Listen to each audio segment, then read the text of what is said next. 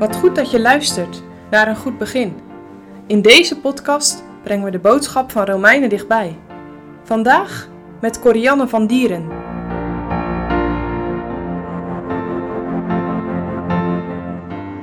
Vandaag lezen we Romeinen 10, vers 1 tot 7. Broeders, de toegenegenheid bij het harten en het gebed dat ik tot God voor Israël doe, is tot hun zaligheid. Want ik geef hun getuigenis dat zij een ijver tot God hebben, maar niet met verstand. Want alzo zij de rechtvaardigheid Gods niet kennen en hun eigen gerechtigheid zoeken op te richten, zo zijn zij de rechtvaardigheid Gods niet onderworpen. Want het einde van de wet is Christus, tot rechtvaardigheid en iegelijk die gelooft. Want Mozes beschrijft de rechtvaardigheid die uit de wet is, zeggende: De mens die deze dingen doet, zal door dezelfde leven. Maar de rechtvaardigheid die uit het geloof is, spreekt al dus. Zeg niet in uw hart, wie zal in de hemel opklimmen? Hetzelfde is Christus van boven afbrengen. Of wie zal in de afgrond nederdalen? Hetzelfde is Christus uit de doden opbrengen.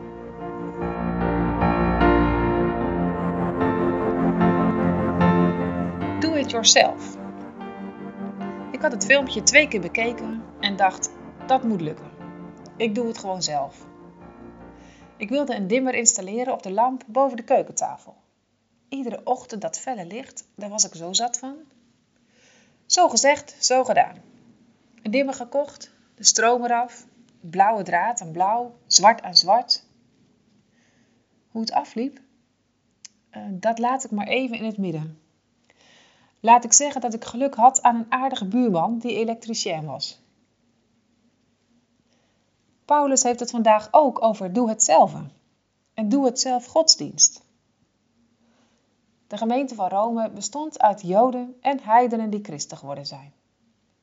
De heidenen wisten eerst niets over de Bijbel. De Joden hadden alleen het Oude Testament. En zij geloofden dat je door te doen wat in de tien geboden staat, zelf de hemel kon verdienen. En voor deze Joden gaat Paulus bidden. Hij wil zo graag dat ze gaan zien dat ze verkeerd bezig zijn. Krampachtig houden ze zich vast aan de wet. Ze negeren de Messias. Ze willen niet geloven dat Christus met zijn offer de wet heeft vervuld. En dat alleen wie in Hem gelooft rechtvaardig is voor God. Nog steeds vraagt God van jou en mij om naar Zijn wet te leven en zijn geboden te onderhouden. Ze zijn door het offer van de Heer Jezus niet afgeschaft, maar nooit zullen ze iemand zalig kunnen maken. Het maakt Paulus zo verdrietig dat de Joden blind zijn voor het evangelie. Hij is bewogen met deze Joodse doe-het-zelvers. En misschien spreekt hij vandaag jou en mij ook wel aan.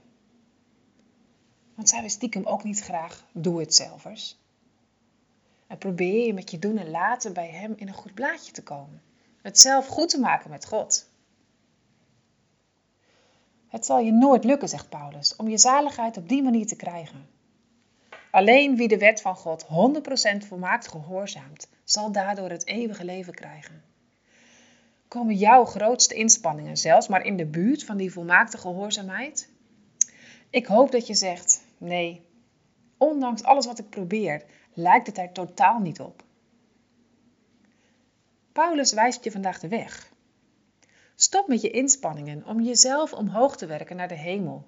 Op die manier zul je de zaligheid nooit krijgen. Je hoeft niet in de hemel op te klimmen om het daar te vinden. Je hoeft ook niet diep in de aarde af te dalen om het daar te vinden. Voor het woord, het evangelie, hoef je niet ver te reizen.